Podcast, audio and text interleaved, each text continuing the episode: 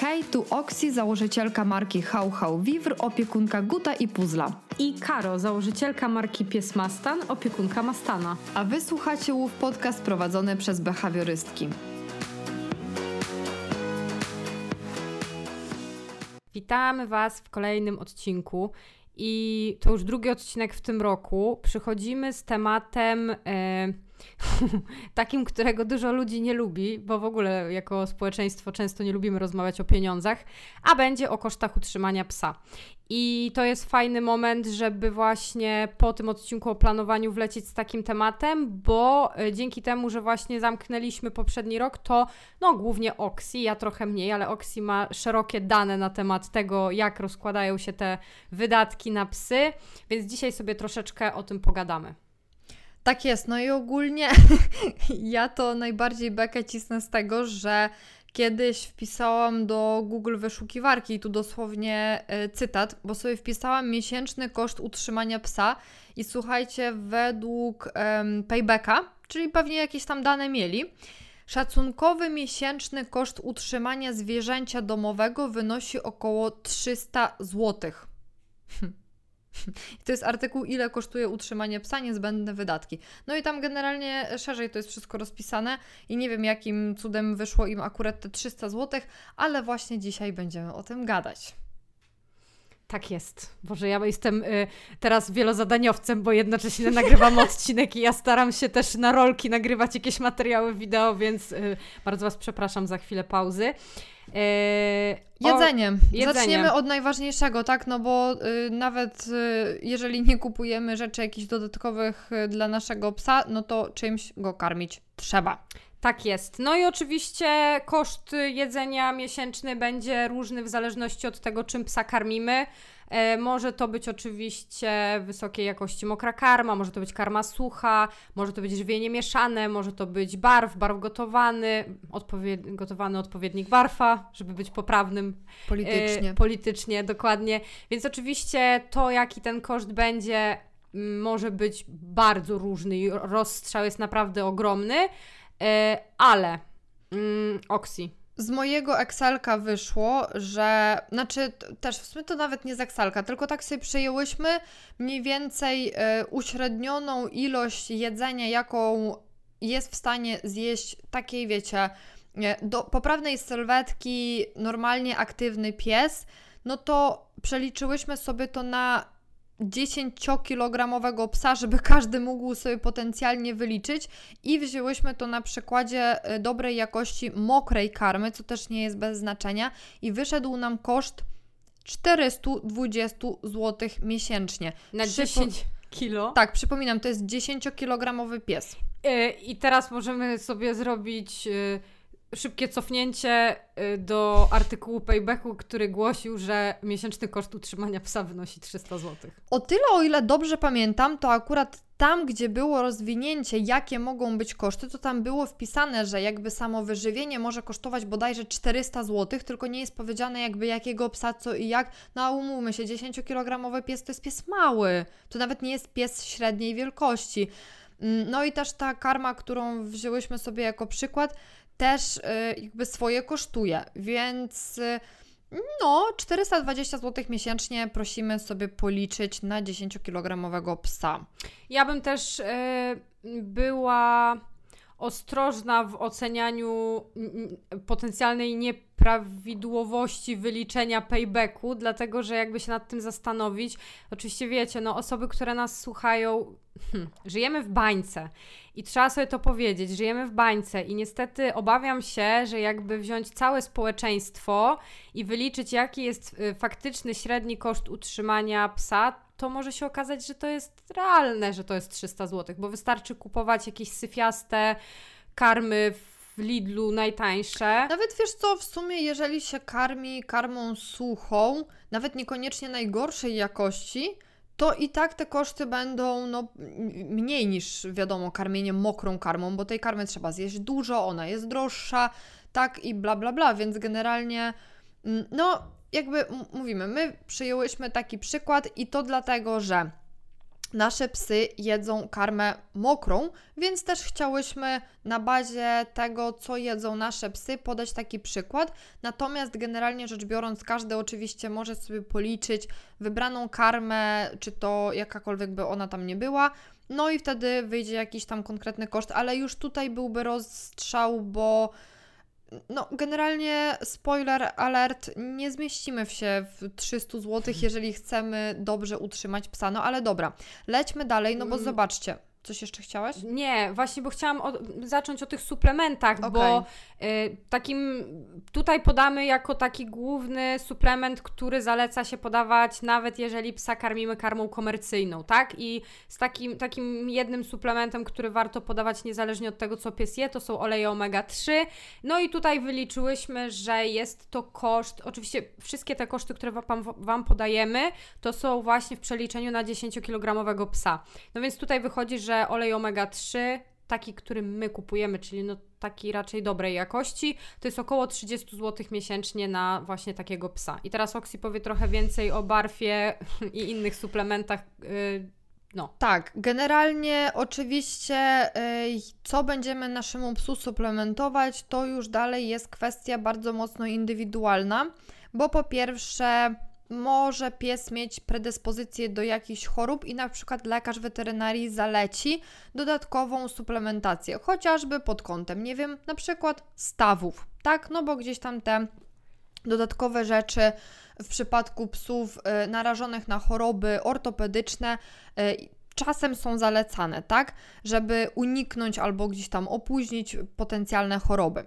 Więc możemy sobie absolutnie tą suplementację rozszerzać do woli o przeróżne ym, preparaty. Natomiast ja akurat w ubiegłym już roku miałam taki powiedzmy problem z moimi psami, że jeden pies był na barfie przez y, 8 miesięcy, więc też potrzebował mm, dodatkowych suplementów, tak, no bo przy barfie nie możemy kupić tylko mięsa, tylko jeszcze trzeba suplementować rzeczy XYZ i też y, Gucio miał, mimo że jadł y, karmę komercyjną, no też miał suplementowane dodatkowe rzeczy ze względu na y, chociażby to, że chłopaki przyjmują leki psychotropowe i na przykład suplementy na ws- wspomaganie wątroby również przyjmują i tak dalej, i tak dalej. No więc tutaj posiłkując się moim plikiem, gdzie ja zapisywałam właśnie ile miesięcznie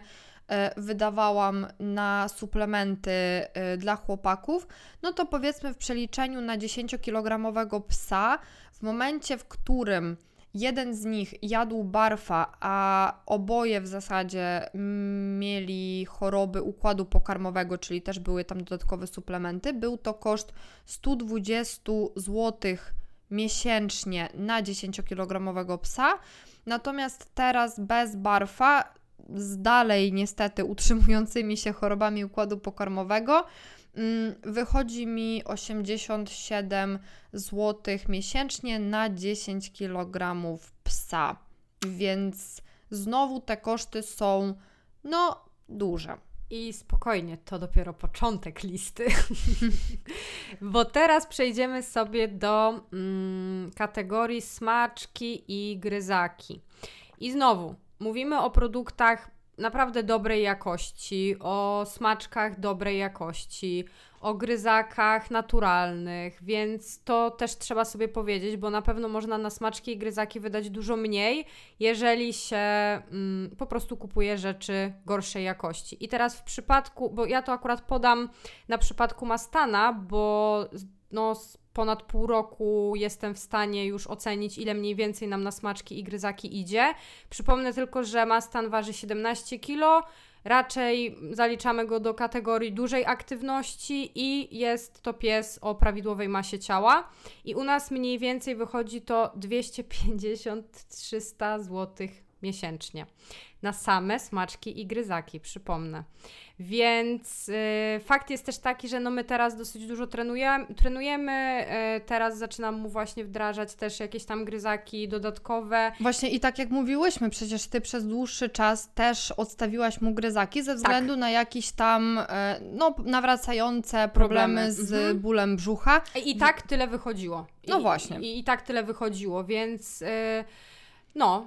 To z kolei u mnie, e, biorąc pod uwagę fakt, że chłopaki e, mają e, chory układ pokarmowy, czyli my mamy praktycznie, znaczy, no ogólnie mamy absolutny zakaz jedzenia gryzaków, mm, plus puzel jadł smaczki z porcji barfa przez bardzo długi czas, potem przerzuciliśmy się na jeden rodzaj smakołyków. No i mm, mogę powiedzieć, że około 50 zł miesięcznie wychodzi mi na 10-kilogramowego psa koszt. Czyli zobaczcie, jaka tu jest różnica. 250-300 zł versus 50 zł, ale mówię, u mnie to totalnie tak się odejmuje no ze względu na to, że oni po prostu nie bardzo mogą. Zresztą, tak jak Karo mówiła, Mastan ma prawidłową e, sylwetkę, natomiast Puzel w tym momencie ma prawidłową sylwetkę, owszem, ale ma tendencję do otyłości i ja niestety nie mam tej dowolności, że mogę mu jednego dnia troszeczkę więcej smaczków wydać, innego dnia um, nie wiem, nie wydać wcale, tylko ja po prostu muszę pilnować zapotrzebowania kalorycznego, no więc też te koszty przez to u mnie są takie malutkie, akurat w tej konkretnej kategorii. Kolejną kategorią, którą sobie omówimy, to będą wydatki u szeroko pojętego lekarza weterynarii. I dlaczego u szeroko pojętego?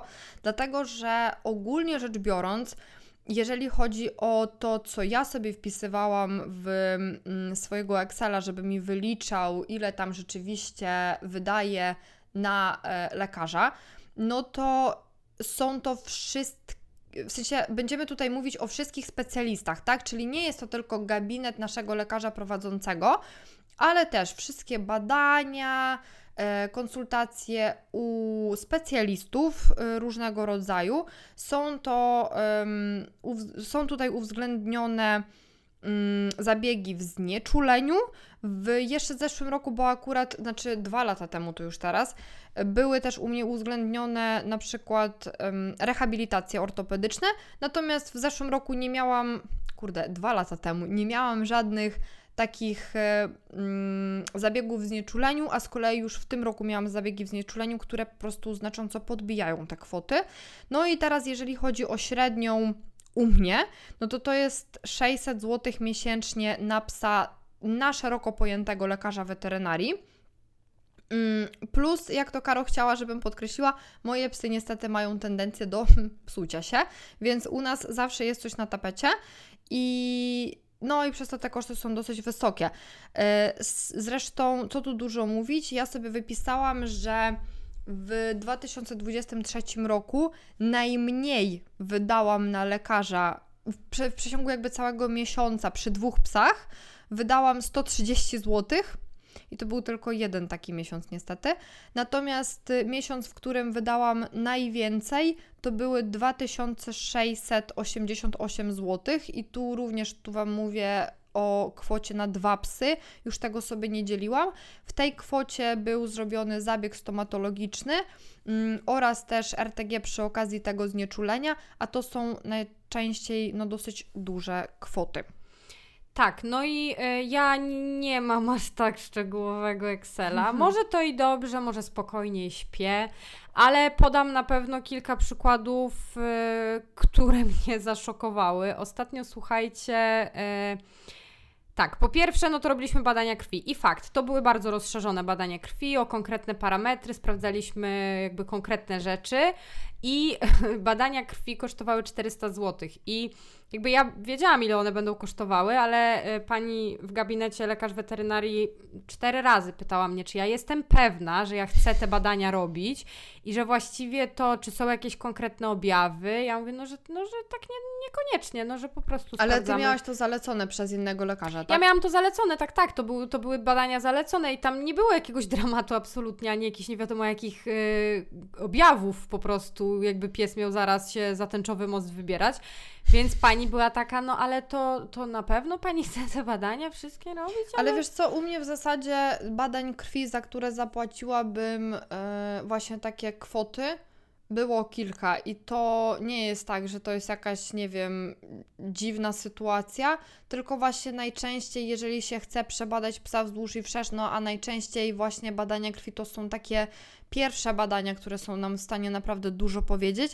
No to niestety, ale najczęściej jak robię psom badania krwi takie bardziej kompleksowe, a nie jakieś tam coś przy okazji na szybko, to wychodzi mi właśnie około 400, nawet czasem 500 zł. Nie? Tak, ale no rozbawiło mnie to, że pani mnie pięć razy pytała, czy ja jestem pewna, że ja chcę tyle pieniędzy wydać na badania i że w sumie to po co, a ja no, że tak, że jestem pewna i spoko.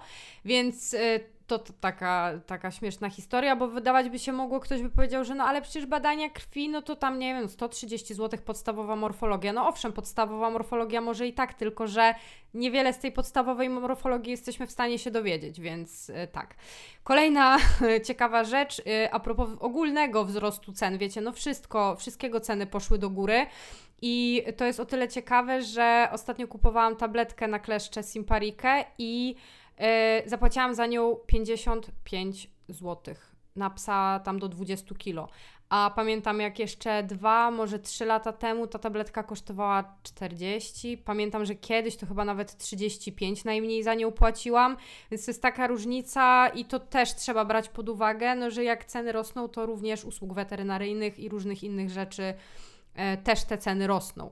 No i ostatnia rzecz. E, ostatnia rzecz, o której tutaj miałam powiedzieć, to mm, zabieg stomatologiczny. No to u nas, ja to byłam i tak w szoku, bo ja myślałam, ja byłam przygotowana na to, że ten zabieg będzie kosztował dużo, dużo więcej, a ten zabieg wyszedł nam tam razem z badaniem serca, yy, i chyba badanie serca, krew, to czyli całe jakby przygotowanie do zabiegu, plus oczywiście zabieg, anestezjolog i tak dalej, wyszło nam coś około 1500 zł, a byłam przygotowana i tak na więcej, więc no i to znowu, to nie jest, yy, to jest coś takiego, co u wielu psów yy, to będzie wydatek przynajmniej raz, dwa, może trzy razy w życiu, tak? Bo to było po prostu rutynowe zdjęcie yy, kamienia nazębnego, który się osadził mimo mycia zębów, więc... Yy, Oczywiście no nie każdy pies będzie miał aż tak dużą tendencję do odkładania się tego kamienia, ale no tego też nie jesteśmy w stanie przewidzieć biorąc psa, nie? Więc no to są duże koszta.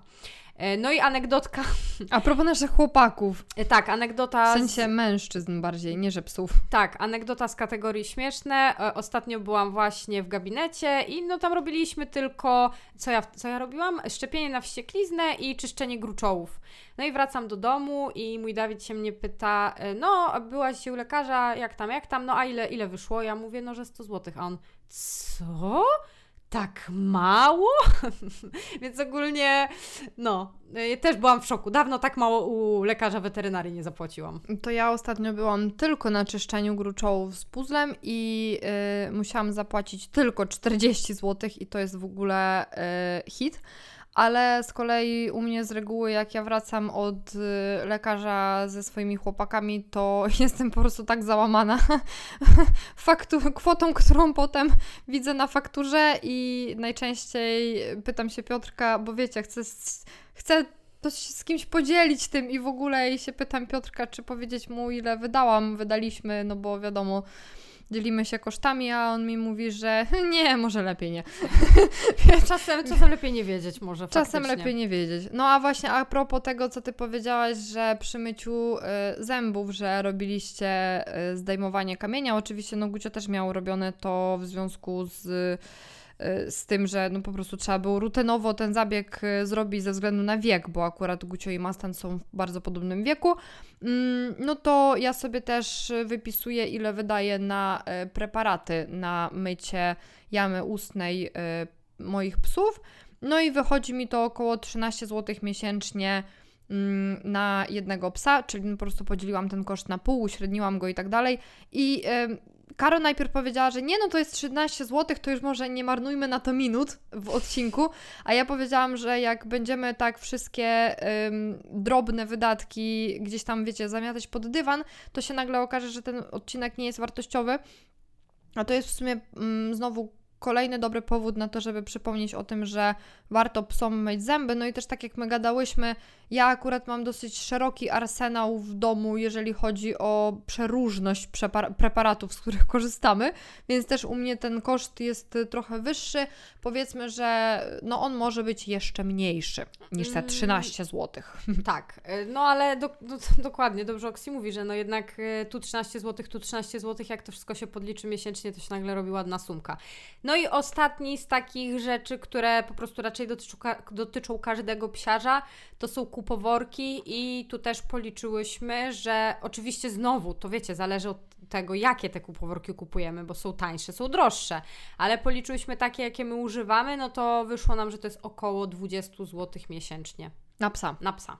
Y, I to też, po pierwsze, to chciałam dać gwiazdkę, nie, że to raczej każdego psiarza dotyczy, raczej tylko powinno. to powinno to dotyczyć każdego psiarza, czyli kupowanie kupoworków, y, ale też chciałam powiedzieć, że nie każdy pies... Robi trzy kupy na jednym spacerze jak gut. Tak, bo niestety co po niektórzy mają też tendencję do markowania kałem. To jest normalne w psim świecie, ale przy okazji wiecie sprzątania tych kup po prostu czasem nie do szału doprowadza, jak on usiądzie, zrobi kupę i minutę później siada znowu drugi raz. I po prostu szaleju dostaje, więc jak nie e, przewidzę sobie tego i nie, wiecie, nie zostawię tego worka, żeby do jednego posprzątać, albo akurat mam kosz wiecie, pod bokiem i wyrzucę, no to tych worków naprawdę idzie dosyć dużo, no ale to znowu to nie jest jakiś taki super nie wiadomo jaki koszt. No i mm, jakby pod koniec tego odcinka chciałybyśmy jeszcze wspomnieć o przeróżnych wydatkach dodatkowych, czyli no tak jak mm, widzicie, jakby gdzieś tam karmienie, czy to ten podstawowy jeden suplement, czy smakołyki gryzaki, czy wydatki na lekarza, no to są to takie wydatki, które po prostu muszą być i bez tego one mogą być mniejsze, mogą być większe, ale no umówmy się, bez tego no nie da rady. Mm, tak jak bez kupoworków, natomiast pozostałe jakby rzeczy to są raczej takie rzeczy dodatkowe, które yy, albo w jakiejś części tylko dotyczą poszczególne osoby, yy, albo nie dotyczą wcale, albo zdecydowana większość tych rzeczy dotyczy yy, na przykład Was, więc też zaraz sobie przez nie przejdziemy. Tak, no i pierwsza z tych takich dodatkowych rzeczy, e, behawiorysta trener, spacery socjalizacyjne, edukacja własna, czyli jakieś kursy dodatkowe, webinary, książki, wszystko to, co jest z tą edukacją własną. I tą taką pracą behawioralno-trenerską y, związane. No i tak jak Oksi mówi, no to nie musi dotyczyć każdego, yy, chociaż miło by było, jakby to dotyczyło każdego.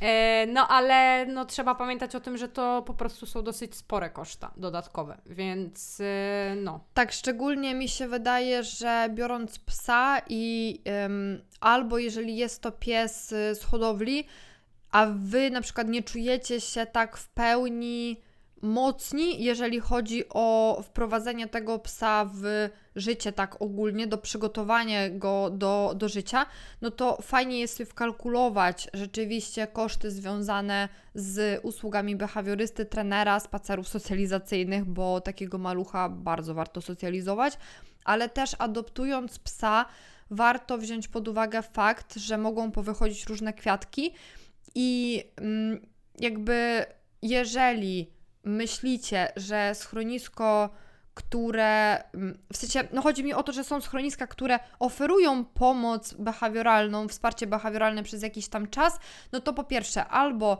może się okazać, że na przykład ten behawiorysta Wam z jakiegoś powodu nie podpasuje, bo to też jest często kwestia indywidualna, po prostu z kim złapiemy kontakt, z kimś nie. Mm, albo na przykład ta terapia potrwa dłużej niż schronisko oferuje swoją pomoc, to też jest w sumie bardzo możliwe. No i jakby warto, mimo to, że możecie mieć to w miarę zapewnione, mimo to warto sobie przekalkulować, czy ej, czy w razie co stać mnie będzie na e, pomoc, po prostu, żeby nie zwariować.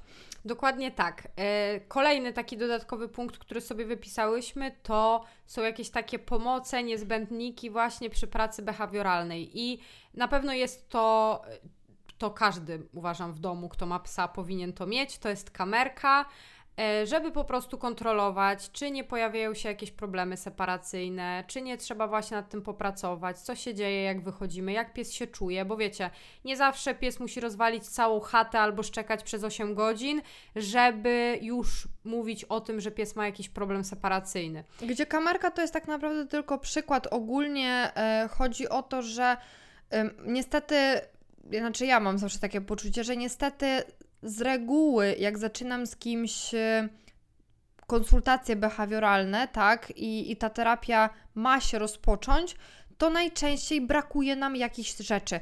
Nawet wiecie, prosta sprawa, jak zmiana smyczy czy szelek, tak? Gdzie, no jakby w pewnym sensie to oczywiście przejdziemy do akcesoriów, ale chodzi o to, że zmiana smyczy na dłuższą może okazać się absolutnie niezbędna po to, żeby temu psu ułatwić życie, tak? No i gdzieś tam jest to taki niezbędnik do rozpoczęcia pracy mm, behawioralnej, Albo na przykład, jeżeli y, chcemy czegoś psa nauczyć, to też czasem trzeba na przykład kupić, nie wiem, klatkę kenelową, tak? Więc jakieś takie rzeczy, które często behawiorysta może zalecić w momencie rozpoczęcia terapii behawioralno-treningowej, żeby to w ogóle miało ręce i nogi.